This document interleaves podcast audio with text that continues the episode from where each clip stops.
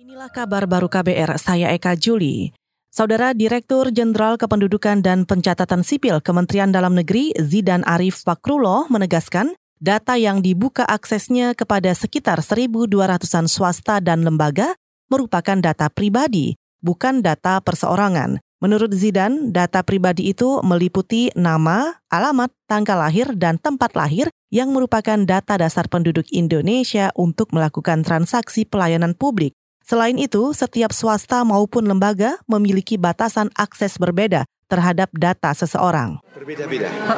Jadi setiap lembaga kebutuhannya berbeda. Kita hanya memberi sesuai kebutuhannya. Misalnya untuk provider seluler hanya akses NIK dan nomor KK tidak ada datanya. Jadi kalau NIK dan nomor KK cocok dia bisa registrasi. Kemudian lembaga-lembaga tertentu hanya data KTPL. Kalau KPK dan PPATK sampai tanda tangan. Karena untuk nyocokkan dengan tanda tangan buku rekening itu sampai di sana. Kemudian untuk Polri dia lengkap. Foto, boleh akses sidik jari karena untuk penegakan hukum. Dirjen Kependudukan dan Pencatatan Sipil Kemendagri Zidan Arif Fakrulo menambahkan, swasta seperti perbankan dan asuransi memerlukan akses data seseorang untuk keperluan verifikasi agar tidak ada penipuan dari konsumen atau kesalahan penulisan identitas.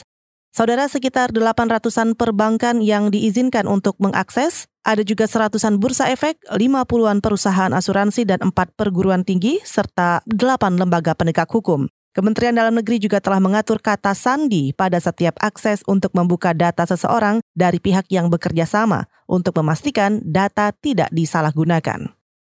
Komisi Pemberantasan Korupsi KPK memastikan ada perkembangan terkait kasus suap perizinan proyek Meikarta di Cikarang, Jawa Barat. Meski tidak menjelaskan perkembangan yang dimaksud, juru bicara KPK Febri Diansah mengatakan akan mempelajari fakta-fakta persidangan. Kata Febri, KPK mencermati ada sejumlah nama yang disebut terlibat dalam proyek yang menyeret bekas Bupati Bekasi Neneng Hasanah Yasin dan kawan-kawan. Untuk kasus Mekarta ini kami pastikan ada pengembangan ya, karena memang cukup banyak nama yang muncul di fakta persidangan tersebut.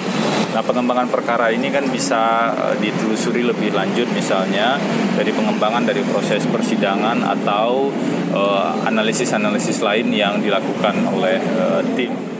Itu tadi juru bicara KPK Febri Diansah. Sebelumnya KPK juga pernah menyebut akan mencermati peran korporasi dalam perkara ini.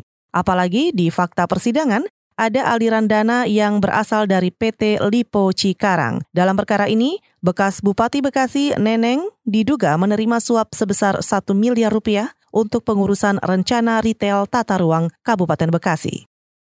Boris Johnson resmi mengambil alih jabatan Perdana Menteri Inggris dari tangan Theresa May dengan janji akan menuntaskan proses negosiasi negaranya keluar dari Uni Eropa atau Brexit pada 31 Oktober mendatang. Janji itu terlontar dari mulut Johnson saat memberikan pidato pertama di kantor Perdana Menteri Inggris tak lama setelah bertemu dengan Ratu Elizabeth di Istana Buckingham. Mantan wali kota London itu mengaku siap melakukan negosiasi lebih lanjut dengan Uni Eropa terkait kemungkinan kesepakatan kerjasama usai Inggris hengkang. Tapi Johnson juga menegaskan ia tidak menutup kemungkinan untuk membawa Inggris keluar dari Uni Eropa tanpa kesepakatan apa pun.